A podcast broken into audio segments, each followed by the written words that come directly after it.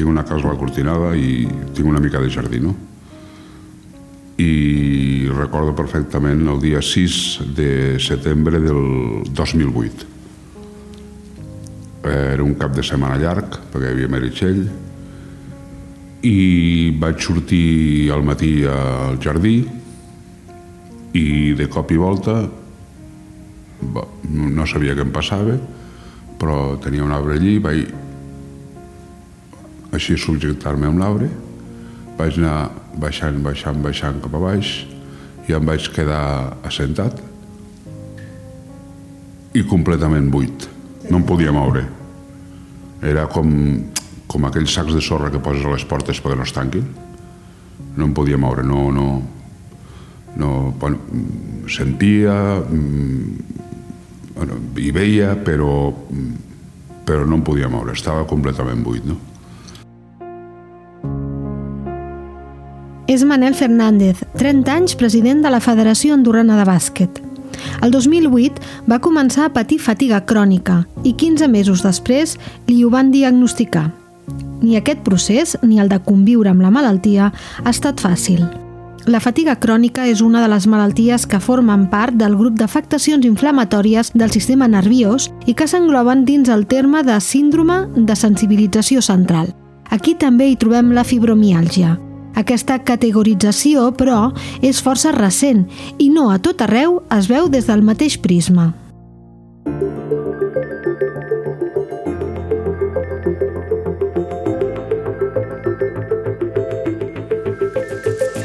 Hola, sóc Esther Pons, això és l'Altaveu a fons i aquesta setmana ens acostem al delicat món de la fatiga crònica. Com és viure sense energia?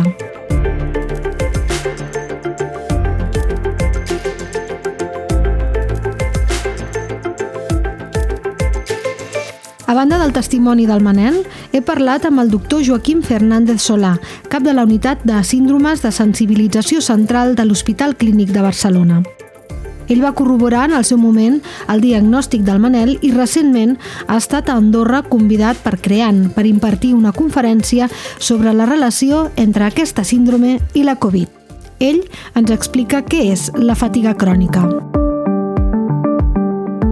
La fatiga és una alteració de la percepció que tenim de la nostra activitat a nivell cerebral. Tots, la fatiga normal, la fisiològica, la que tenim tots és a grans esforços i és protectora, perquè no ens lesionem el cos si sobrepasséssim l'esforç físic eh, excessiu. No? En canvi, aquesta fatiga que es desenvolupa com a malaltia és una fatiga patològica, és una fatiga que es desenvolupa a mínima activitat, que limita el dia a dia i que sempre diem que perquè sigui rellevant la persona que estigui afectada no ha de fer ni la meitat de lo que feia abans. És dir, que el que està millor no fa ni la meitat, però és que algú que no fa ni un 20%. És a dir, que realment pot ser molt limitant i a diferents graus també, i, i realment eh, és, és, un, és una alteració que quan està establerta i dura més de 6 mesos no reverteix enrere. Per tant, t'hi has d'adaptar. No queda altra cosa que adaptar-te reduint la teva activitat i sabent-la fer, per exemple, fent-la estonetes curtes, sense sobreesforços, sense fer-la molt prolongadament, si es poden fer coses però molt adaptadament i amb una reducció de l'activitat global. Aquesta és la teoria i el diagnòstic, però arribar-hi no és gens fàcil. El Manel relata com ho va viure.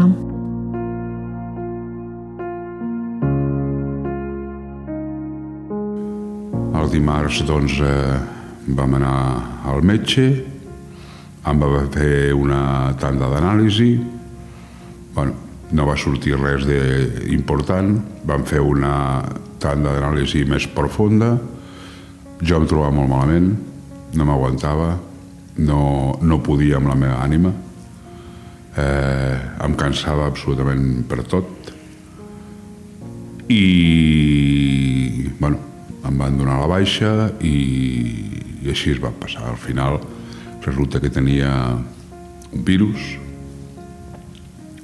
un virus molt comú que dona aquest tipus de cansament i això, però que, bueno, que, que ha de passar ràpid però no, no va passar. I van, van anar passant els mesos i al mes de gener vaig baixar a Barcelona amb, amb una clínica bueno, em van veure i em van dir que, que, bueno, que això eh, bueno, no sabíem ben bé doncs, per on agafar-ho i tota aquesta història, però que això era segurament doncs, de, el sistema immunitari. bueno, jo em seguia trobant malament, vaig anar a París i allí em van dir que això em venia doncs, de tot el tema d'hormones i qüestions d'aquestes i tal, no?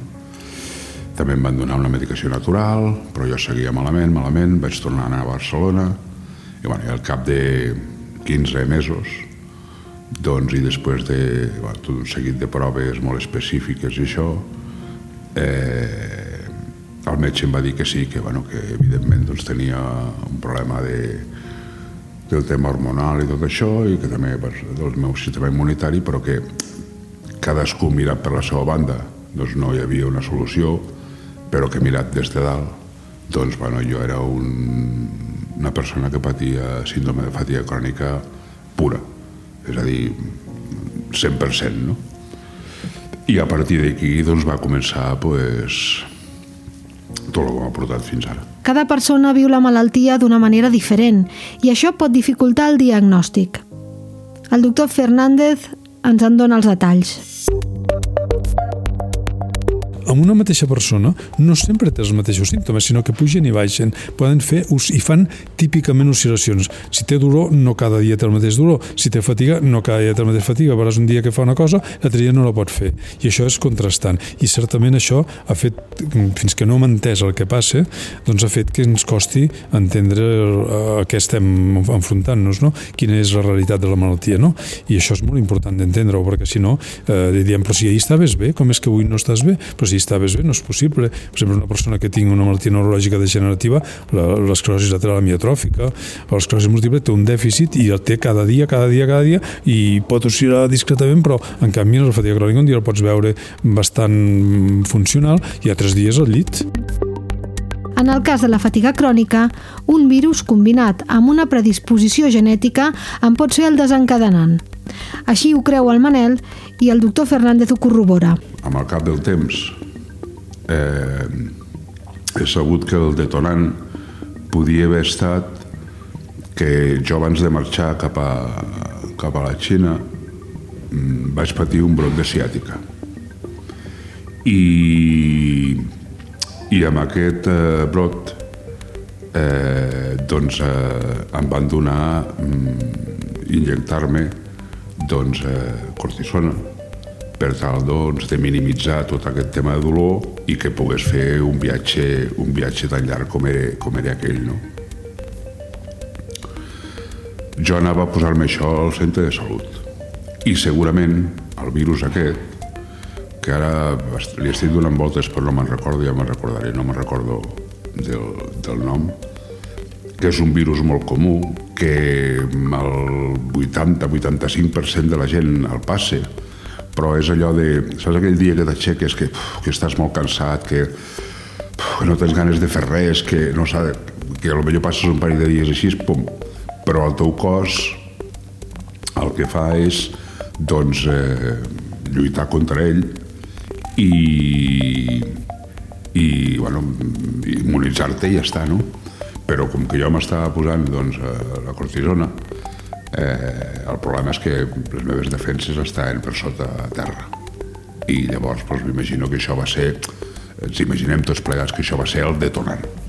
Jo ja diguera portar doncs, la malaltia d'alguna manera, però el detonant va ser aquesta baixada brutal de defenses i a més a més és un tema que a mi fins que no em van donar fins que no em van donar doncs, eh, el diagnòstic eh, jo n'entenia que em passava. De fet, eh, la Covid ha estat un desencadenant més de eh, síndrome de fatiga crònica. Per exemple, el virus d'Epstein-Barr o de la mononocrosis és un virus clàssicament que amb gent jove desencadenava fatiga.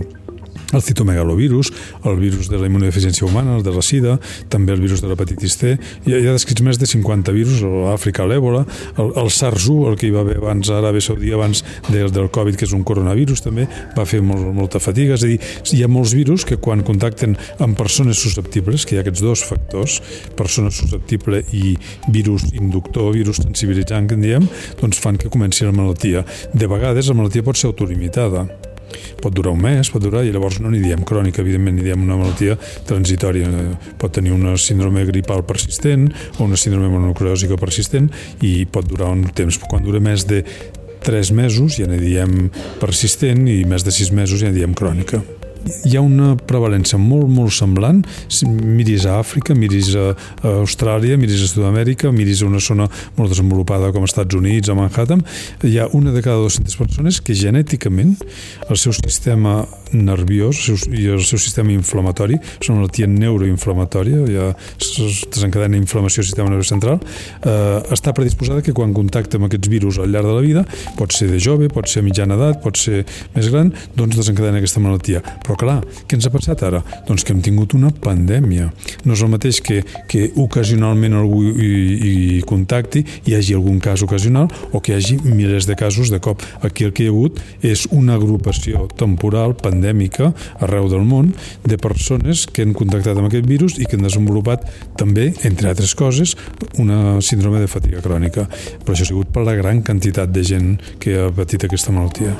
De fet, amb la Covid han augmentat els casos, ja que tot indica que és un dels virus que la pot activar i tindria relació amb alguns dels símptomes de la Covid persistent. D'aquest 10% de, de que tenen post-Covid, aproximadament una tercera part fan fatiga crònica persistent. Vol dir que, que dèiem ara uns números aproximats, que si a Andorra hi ha hagut mm, al voltant de 50.000 van mm, una síndrome post-Covid, d'aquests 5.000 una tercera part, serien 1.300, 1.400, doncs faran una fatiga eh, persistent i que segurament dure des de que va fer l'episodi fins avui en dia.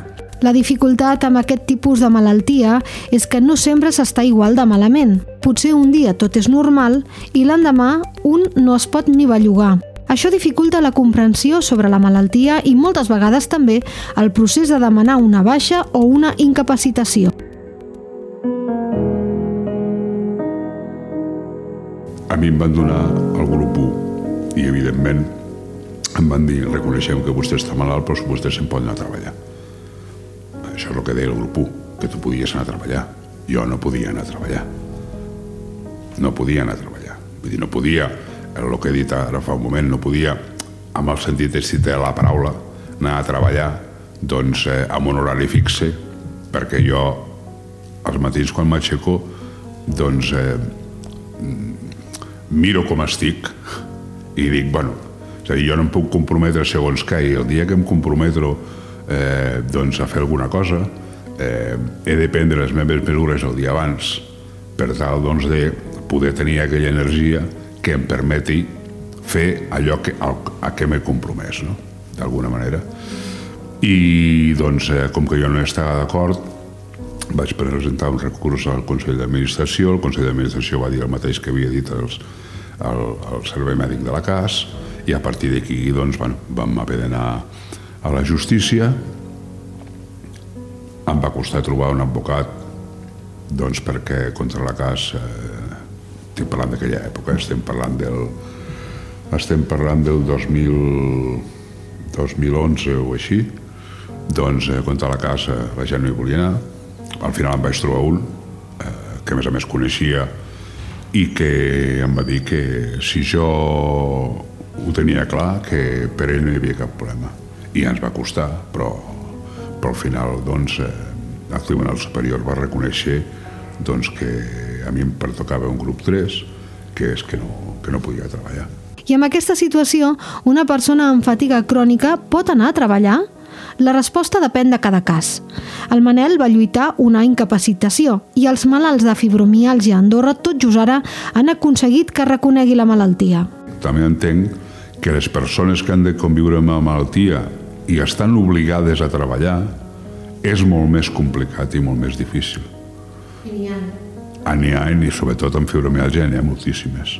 Per sort, doncs, aquesta recent aquest recent reconeixement oficial de la fibromiàlgia i el que porta associat, que és la seva nomenclatura dins de la taula de patologies i amb una durada determinada de dies de baixa, que en aquest cas seran 30, ajudarà moltíssim a minimitzar doncs, els efectes sobre les persones. Perquè ara et donaran una baixa que podia ser per fibromialgia, per mal d'esquena, i potser el mal d'esquena no ho sé, perquè no, no, tampoc he mirat, potser eren 7 dies.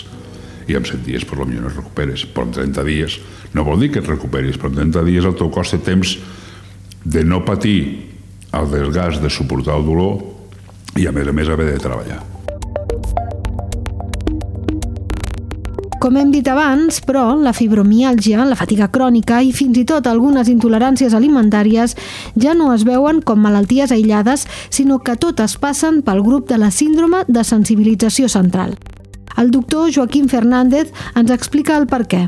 Fa 33 anys, cap d'aquestes malalties estava eh, encabida dintre del que podíem dir un programa de sensibilització neurològica. És a dir, quan diem sensibilització vol dir que la persona respon més del, o inadequadament a un estímul. Per exemple, l'activitat. Si fas activitat i aguantes, no tens fatiga, però si fas una mínima activitat i, i el teu cervell ho detecta com, com extrem, doncs et fa parar. Et fa parar com si haguessis fet una marató, no, no pots més, no, estàs extenuat. Doncs eh, això en diem una sensibilització sensació. El dolor, el dolor és el primer que es va descriure. Amb la fibromialgia es va veure aquesta inadequada percepció del cervell al dolor, és a dir, una postura fixa que no hauria de ser mm, molesta, una activitat mínima com pot ser una estona d'escriure no hauria de ser molesta, un canvi de postura o estar dret una estona no hauria de ser molest i es transforma en molest. Canvia, la percepció cerebral s'amplifica i a més a més es fa persistent, és a dir, si nosaltres tenim un dolor i marxa la causa, el dolor reverteix i eh, som capaços d'inhibir-ho. Doncs aquí no, amb aquestes malalties el dolor no només arriba amplificat, sinó que a sobre persisteix molt temps i de vegades no marxa. Pot durar dies o setmanes un dolor desencadenat eh, en, en un estímul mínim. Per tant, és un dolor inadequat. Eh? I això, realment, eh, aquest fenomen de sensibilització s'ha vist primer es va descriure amb el dolor, després s'ha vist que la fatiga i dolor en realitat són dos variants d'un mateix estímul, d'un mateix procés, eh? i que eh, van per mecanismes comuns, de tal manera que els malalts que primer diagnosticaven de fibromialgia per separat i els de fatiga crònica veiem que convergien i eren els mateixos malalts al cap de 3 o 4 anys.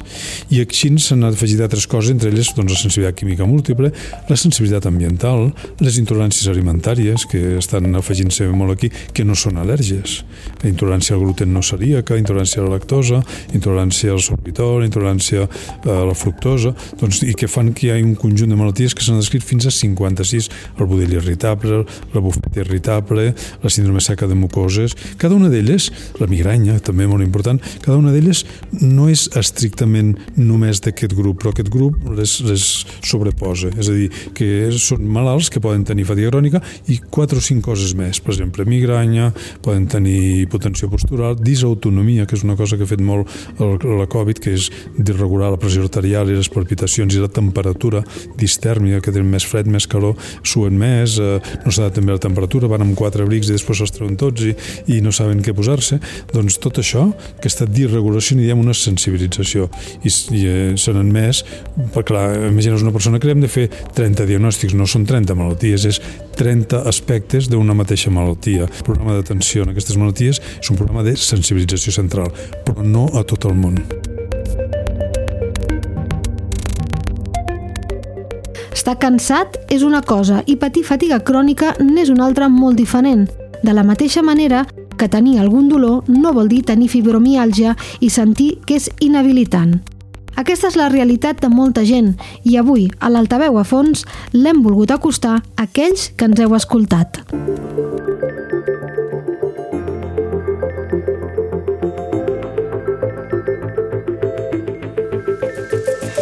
Aquest episodi ha anat a càrrec de qui us parla, Esther Pons.